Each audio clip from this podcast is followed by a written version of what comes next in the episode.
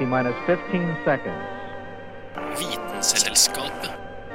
T minus 10, 9, 8, 7, 6. We have main engine start. 4, 3, 2, 1, and liftoff. Vitenselskapet. Vitenselskapet på Radio Nova.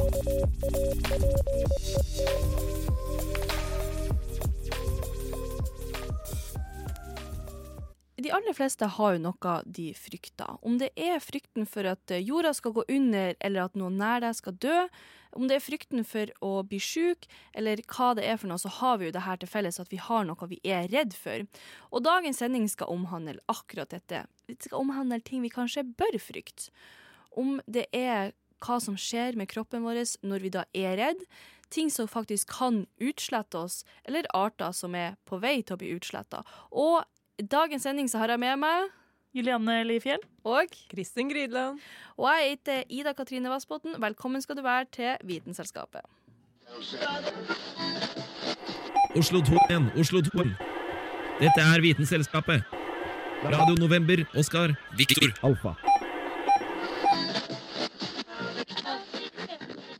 De kommer i et utall varianter. Du har hatt nærkontakt med milliarder av dem, og de er veldig små, men sammen så blir de veldig store. Faktisk så store at de er en større del av biomassen på jorda enn både planeter og dyreliv til sammen.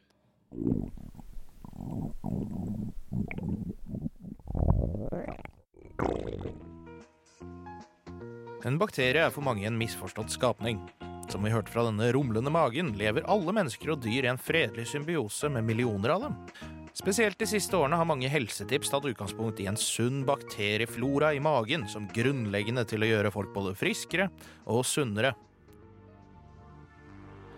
Vi kan vel likevel driste oss til å si at det finnes naturlige årsaker til at vi mennesker har en iboende skepsis til disse små rakkerne. Det kom et skip til Bjørgvin i 1349. Dette er en strofe de fleste av oss kan gjengi på kommando. Svartedauden. Anslaget på antall døde i Europa ligger på over 60% og i Norge enda litt verre.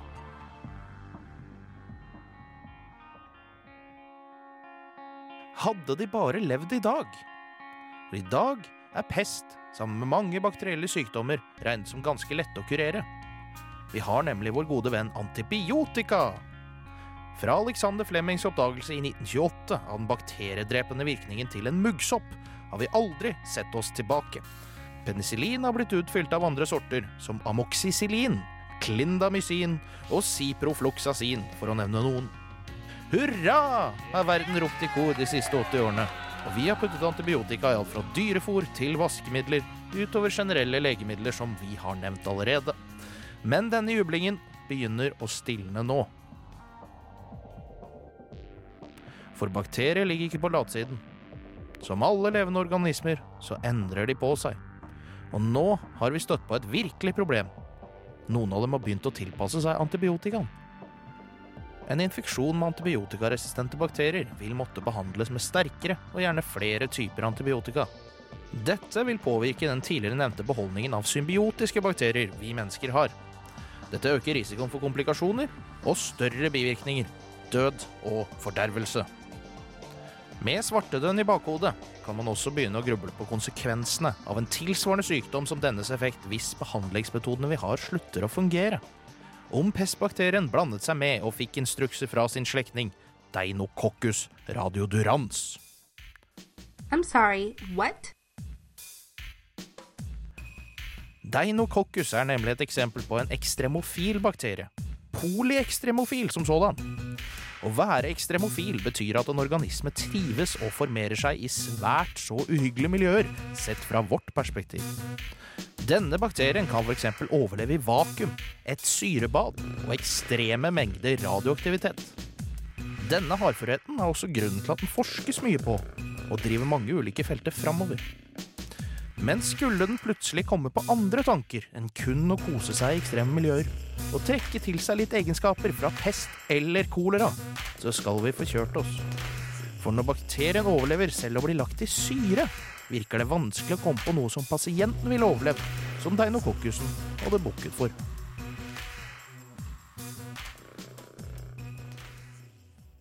Antibiotika regnes som en av de viktigste grunnene for at dødeligheten til mennesker har gått drastisk ned de siste 100 årene. Men derfor roper jo veldig mange varsko om konsekvensene av dette, altså at konsekvensene av dette overforbruket kan ha. Men det er også da verdt å nevne at her i Norge så har vi vært et slags foregangsland når det gjelder å begrense bruken av antibiotika som da regnes som det viktigste virkemidlet for å bremse utviklinga av resistensen. Men også her har forekomsten for antibiotikaresistens økt. Og denne saken ble laga av Dag Løvold Magnussen. Vitenselskapet. Vitenselskap. Vitenselskapet. Vitenselskap. Vitenskapet.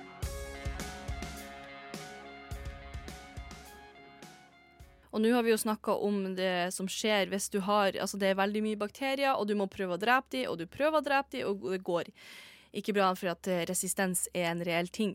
Og så er det også en sånn ting vi prater om som heller ikke er bra for oss her i verden, er at vi er for mange folk. Så jeg lurer på, er liksom det en myte? Er det fakta? Er vi for mange folk her i verden? Ja, man tenker jo ofte på um, at uh, hvis man blir for mange, så er det ikke nok mat til å uh, Til at alle skal bli mett. Ja, for det er det de hele tida sier, sånn Vi er for mange folk nå, hvordan skal vi klare å fordele? Vi her i, oppi Altså, folk i Vesten har for, har lite folk, men mye mat, og så har andre plasser for mye folk. Ja, for altså, lite fordi mat. man er jo allerede redd for at uh, folk Altså, det er jo mange som sulter, ikke sant? Man er allerede redd for at det ikke er nok mat rundt i verden, men det er jo det er det jo, det er bare ikke fordelt riktignok, ikke sant? Eh, og Det er derfor det er mange som er redde for at eh, det skal bli mer sult og hungersnød eh, hvis det blir flere mennesker.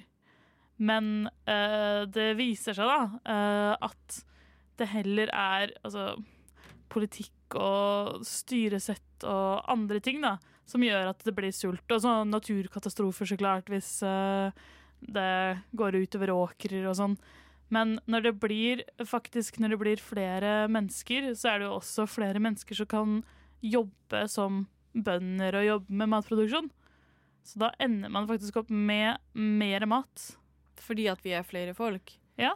For at sånn som i Norge Men så spørs det vel sikkert litt sånn hvor hen det er her. For her i Norge så sliter vi jo med at folk ikke vil jobbe med å helt tatt lage mat. Men det er vel kanskje litt sånn at vi er litt privilegert her.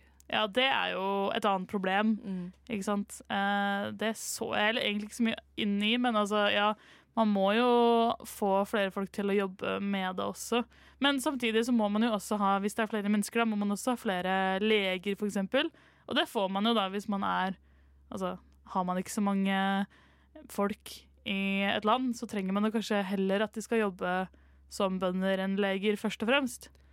Ja, i Norge så har vi jo det problemet at uh, man etter hvert vil få for få folk som kan jobbe, sånn at uh, alle de gamle som uh, Eller de som er friske og relativt unge nå, vil jo bli gamle en gang, så får man den veldig berømte eldrebølgen. Mm. Så her, sånn sett så er det jo i Norge så er det jo befolkningsmangel.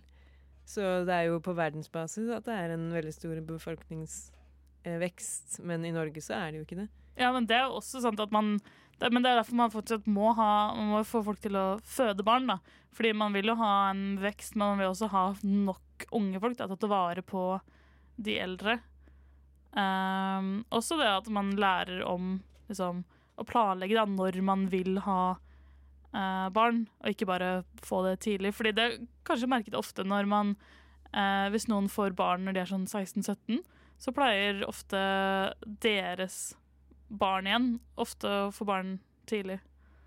Så det er også noe man må si, planlegge for. Ja, for det er jo litt sånn eh, altså, Men hvordan kan man planlegge det? Altså, mener du at vi da skal planlegge hvordan generasjonene skal fungere? At det ikke er for mye folk i én generasjon, da? Ja, altså Det gjelder jo å gi riktig informasjon, da. Og ha liksom seksualundervisning for folk. Eller ha Eh, en statsminister og si 'få barn nå'! Få barn, men ikke importer dem fra andre steder hvor de trenger eh, Så når man trenger folk, så skal du ikke liksom åpne landet ditt for dem. Da hørtes det litt ut som du skulle drive med menneskehandel, men jeg skjønner hva du mener. Ja. Ja. Jeg er, eh, er for så vidt ikke for menneskehandel. Nei. Bare så det er sagt. Ja, bare sånn eh, Jeg vet ikke helt hvorfor jeg må si det, eh, men vi er vel kommet dit at man Ja. bør si sånne ting. At det burde faktisk Men eh, hva vi skal tenke da, er kan løsninga for å faktisk Det er masse folk, men vi har lite folk her, liksom. Burde vi bare ta flere folk, så vi kan ha flere som jobber med jordbruk og sikre framtida vår med mat? Det gjelder jo også å bruke mer av arealet man har, da. Fordi i Norge er det jo, og mange andre land egentlig, så i Vesten spesielt, så er det veldig mye tomt areal som Altså ja, vi har masse fjell og sånn, men vi har også mye som kan brukes. Både til jordbruk og til eh, hus og bebyggelse osv. Det bør jo bli mer jevnt fordelt, sånn at eh, flere folk har det bra. Men samtidig så må man jo også huske på at vi kan ikke drive og utvide i det uendelige. Så selv om jorda fremdeles har, altså vi har fremdeles noe å gå på, at eh, vi er ikke for mange med tanke på hvor mange ressurser vi har. Men eh, vi må jo passe på at man blir jo ikke Kan ikke være så mange at jorda ikke tåler det lenger. Nei, det er vel det som er en sånn fin sånn balansegang. Men det er jo veldig merkelig at vi også får høre at vi er for mange folk, og at maten At det er ikke nok mat. Men jeg skjønner jo at det er jo Vi kan konkludere med at det er skjevt fordelt. Og eh, at vi i Norge burde ta imot eh, flere folk. Men eh, tusen takk, Julianne, for den. Nå skal vi videre til en annen sak, for nå snakker vi om en sånn reell frykt som veldig mange har. Er vi for mange folk på jorda? Går det her til helvete? Og sånne ting. Men da skal vi rett og slett lære oss hva som skjer når man da er redd. Fordi at frykt eller redsel er jo en følelse som oppstår når du da utsettes enten for da ei reell fare, eller ei direkte Altså ei direkte eller en slags indirekte trussel som du bare da har en tanke om at du f.eks. er redd for å bli angrepen, eller at du er redd for å havne i et brennende hus, eller at, eh, at noen du er glad i, dør. Men da skal vi egentlig lære oss nå hva skjer med kroppen fysisk når du blir redd.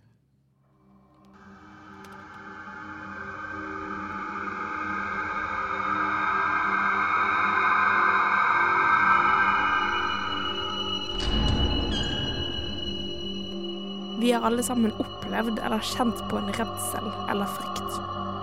Om det er den gangen du nesten ble påkjørt, gikk det vill i skogen, kjørte en berg-og-dal-bane eller så en skrekkfilm, så kan du i alle disse situasjonene få en plutselig følelse av stress og at du blir redd.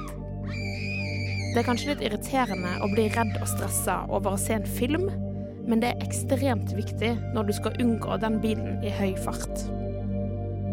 Det at vi klarer å løpe for livet sånn helt plutselig bare av å se noe som kan være farlig, har og er veldig viktig for vår overlevelse. Men hvordan er det egentlig mulig å gå fra en situasjon der man er helt rolig og avslappet, til fullstendig panikk bare på noen få sekunder? De fleste av oss klarer jo ikke engang å forflytte seg fra sofaen til trening.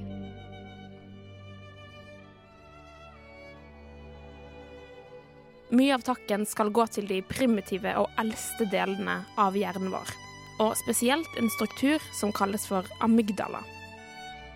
Denne delen av hjernen er ansvarlig for å gi deg emosjonell mening til det du hører, ser, lukter og føler. Og hvis det blir tolket som at du er i fare, så vil en såkalt fight or flight-respons settes i gang. Dette er en kjedereaksjon som bl.a. ender med at binyrene dine produserer masse stresshormoner, sånn som adrenalin, noradrenalin og kortisol. Dette vil igjen føre til at hjertet ditt banker fortere, du puster fortere, du begynner å svette og spenne musklene dine. Forandringene som oppstår, gjør altså at kroppen din går i full beredskap, sånn at du skal være i stand til å plutselig løpe for livet eller angripe. I en reell fryktsituasjon, der man faktisk holder på å bli påkjørt eller angrepet av en bjørn f.eks., så er denne raske responsen ekstremt bra. Men man kan også oppleve å komme i en situasjon der man overdriver en fare, Der små hverdagslige ting som å ta bussen eller være med veldig mange mennesker er plutselig skummelt. Altså at man kan kjenne på en angst. Det som skjer i kroppen, er faktisk akkurat det samme. Alarmen skrus på, og kroppen gjør seg klar for å overleve.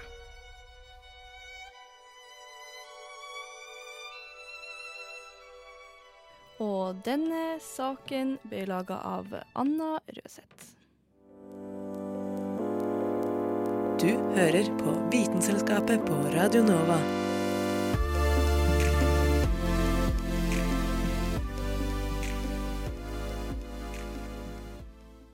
Det er jo ofte et eh, tema at f.eks. isbjørnene er på tur å bli eh, mindre og mindre bestand, synker, det er for lite is til de. Eh, og så får man ofte høre at eh, f.eks. rype, nå er det på rødliste, du får bare lov å skyte så og så mye.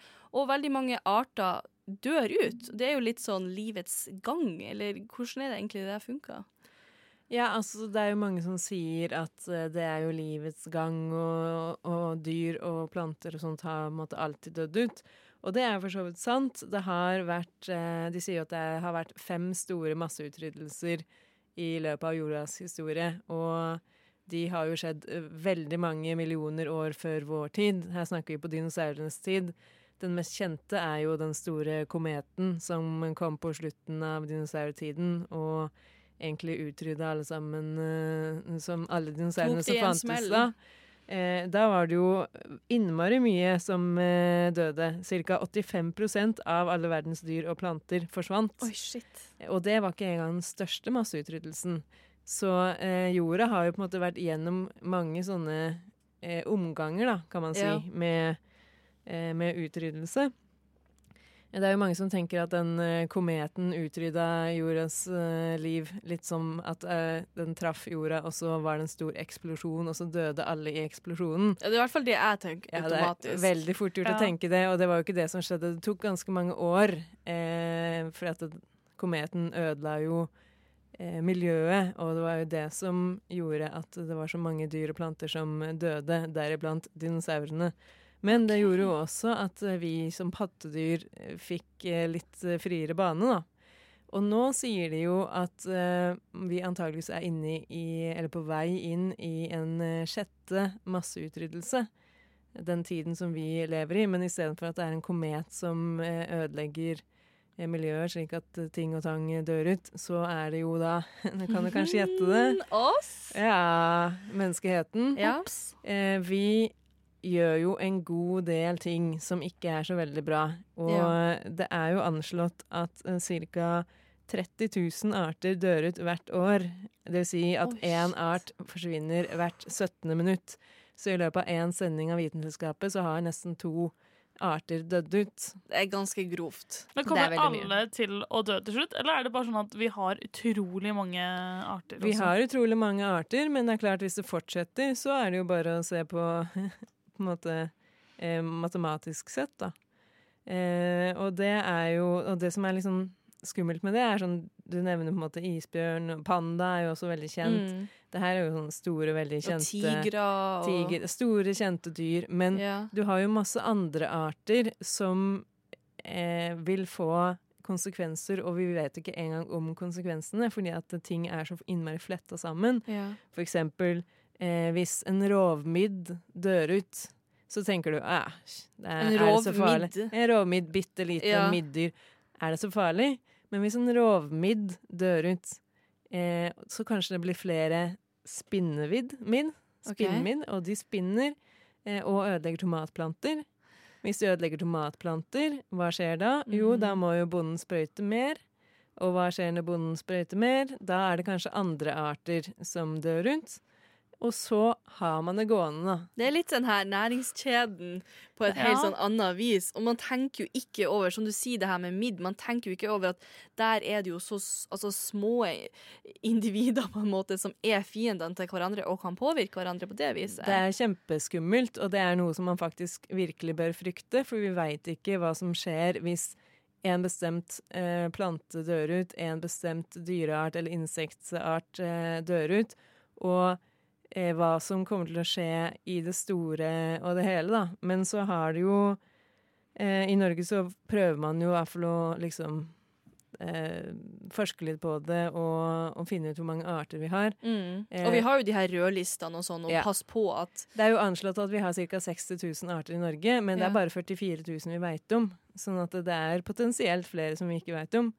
I lille Norge. I lille Norge. Ja. Og da kan du tenke deg hvor mange arter som finnes i verden. Men klart, én art hver 17. minutt, det er jo ikke, det er jo ikke levelig, det. Nei, det er jo ikke det. Men jeg tenkte jeg skulle på en måte avslutte med en litt sånn gladsak. Eh, og det er at eh, ja, det er en del arter som dør ut, men det er også noen arter som man finner igjen. Og det er tilfellet med da eh, Ny-Guinea-syngehunden. eh, Den kan synge, da, eller? den kan synge, så jeg tok med et lite lydklipp.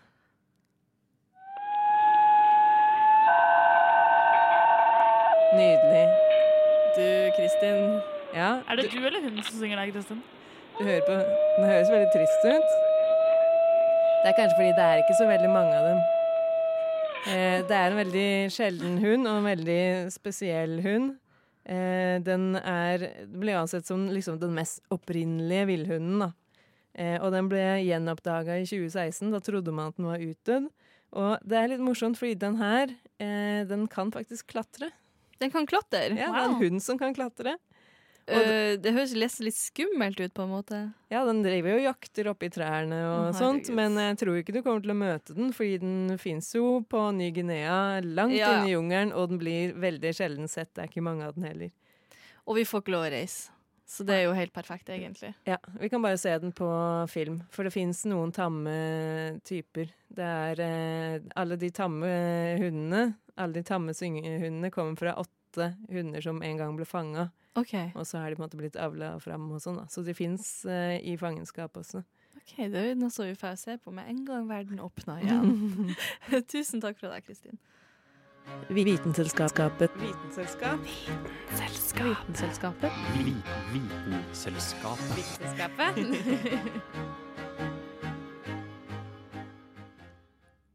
Det er omtrent eh, 25 000 store asteroider i solsystemet vårt, og noen har potensial til å utslette et helt europeisk land, eller mer. Og som Kristi nevnte, så husker vi alle sammen grunnene for at eh, dinosaurene døde. Men hva hvis dinosaurene hadde vært litt forberedt og har hatt et romprogram? Hadde sett annerledes ut da?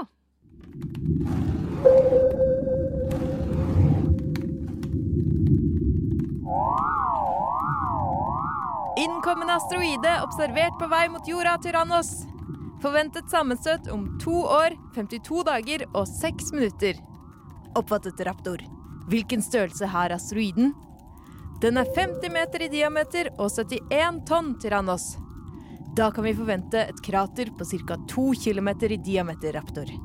Jeg ser her at asteroiden kommer til å treffe den største byen i Gondwanaland. Sammenstøtet vil antageligvis drepe flere tusen dinosaurinnbyggere. Her må vi forhindre at asteroiden treffer jorda.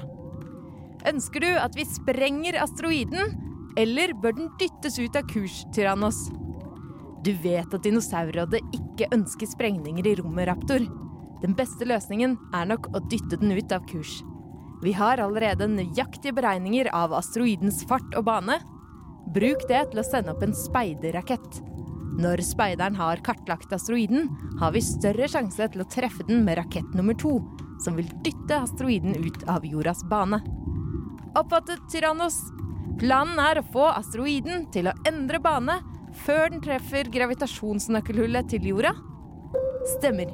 Det er avgjørende at vi klarer å få asteroiden til å endre kurs før jordas gravitasjonskraft suger asteroiden til seg. Ja ja, vi klarte det jo med en asteroide på over 10 km i diameter for over 66 millioner år siden, Tyrannos. Vi klarer det nok igjen med denne lille tassen. Rakett, avfyr! Three, two, one. Ignition.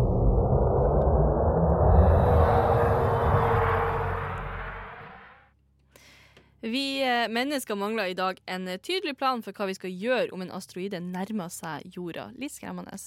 Eh, NASA og ESA og andre romforskere og nasjoner er imidlertid på ballen, og NASA har lansert DART, DART-programmet, der de i løpet av de neste årene skal teste ut hvordan raketter kan dytte asteroider ut av sin bane. For dinosaurene er det jo imidlertid little too late. Men saken var laga av Hanashisaurus Rex Grydland. Apropos rommet. Det er jo konstant diskusjon. Er det noe liv i rommet? Er det noe Skal vi fere til Mars? Skal vi bo der? Kommer vi til å bo i lag med noen? Og da skal du, Juliane, få lov å fortelle oss. Er det noen intelligente individer ute i verdensrommet? Uh, ja, det er jo dessverre ikke noe jeg kan svare helt uh, konkret på. Altså, hvor genialt Eh, hadde det ikke vært hvis uh, Vitenskapet, en liten podkast her, eller en stor podkast i lille Norge, kan man kanskje si, eh, hadde vært først på ballen og ute med nyheten om at det faktisk fins intelligent liv i verdensrommet? Ja, for jeg skulle si Det er ikke fordi jeg ikke vet det, men det er fordi jeg ikke har lov til å si det. ikke sant? Ja, Sant. det, det er jo sant. Ja, men eh, det er jo veldig mange som eh, kanskje er redd for ufo. Det er mange i eh, USA som hevder å ha sett en eller blitt uh, kontakta av romvesener.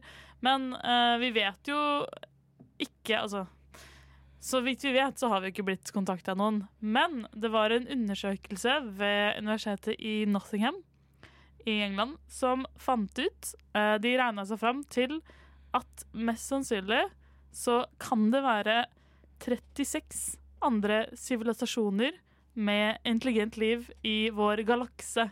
Så altså i Melkeveien. Hvor sjukt spennende er ikke det? Jeg lurer sånn på hvordan skal vi klare å skjønne hverandre? Hvordan skal vi klare å kommunisere? Blir, de å komme til oss? Spennende. Det er jo kjempeskummelt. Bare tenk eh, hvis vi hadde oppdaga en annen art. Vi hadde jo massakrert dem hvis vi hadde hatt Å, ja. Ja, men det er Ikke nødvendigvis er- med vilje, men bare fordi at vi, vi er på en måte Vi er intelligente, men vi er også innmari dumme. Ja. Men det er det som er spennende med det. Altså, både måten de regna seg fram til det Det var litt sånn eh, rart å finne ut av, men det var noe med at eh, for oss da, så tok det sånn var det 4,5 billioner år før vi ble en intelligent sivilisasjon. Så de ser jo på planeter som må være så gamle. Og så er det noe med at eh, de må Altså, det de da regner som intelligent, da, er at du kan kommunisere med hverandre og sende ut kommunikasjon. Altså som vi har gjort med TV og radio. Så det for oss har foregått i sånn 100 år. Så de ser litt sånn på det. Eh, men det er jo så klart sannsynlig at eh, disse sivilisasjonene har en gang vært, og så dødd ut helt. At vi bare gått glipp av dem, ikke sant? Og, eller at de kommer senere, og at de går glipp av oss. Så jeg vet jo ikke om det er så mye å være redd for, sånn sett. Men har dere sett de her videoene som har blitt uh, sluppen av hva heter, Pentagon uh, i USA? Som det er noe video av det de tror De sier det her kunne aldri ha skjedd med å ha blitt laga på jorda, for det går så fort, og det sirkulerer så fort. Altså en ufo, da. Eh, sånn at de tror da at det her er noe fra en helt annen planet eller verden. da. Har dere ikke sett det? Nei. Nei. tips. Sjekk det ut. Altså, det er Pentagon som har da releasa Releasa, hør her. Som da har sluppet noe video ifra Det var vel jagerflypilotene deres som hadde sett noen eh, ja, ufoer. Kan vi kalle det det? Så lenge det er eh, uidentifisert flyvende objekt, så Ja. kan man jo definitivt kalle Det det er definitivt det det er. De sier at det her kunne aldri ha blitt laga på jorda. Det er ikke realistisk. De får det ikke til. Men det er veldig spennende om de faktisk har klart å kommunisere med oss, eller komme til jorda. Fordi det tar sånn Eller gjennomsnittlig distanse mellom oss og noen andre planeter, eller noen av disse sivilisasjonene, er 17 000 lysår. Så det tar ganske lang tid. Ja. Da får vi kanskje svar om eh, en haug jævla år. Ja. Med det så sier vi takk til deg, Juliane.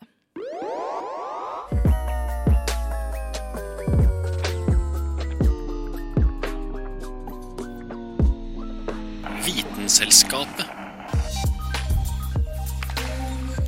Da er dagens sending med Vitenselskapet over. Jeg har hatt med meg Julianne Lifjell? Og Kristin Grydland. Og jeg heter Ida Katrine Vassbotn. Hvis det er noe du har gått glipp av i dagens sending, så finner du oss der du hører på podkaster. Og der finner du også en haug med gamle sendinger, så bare fær inn og sjekk det ut. Tusen takk for at du hører på oss. Ha det bra.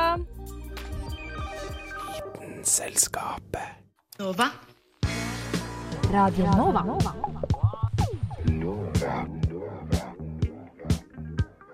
Du hører på Radio Nova. DAB, nettspiller og mobil.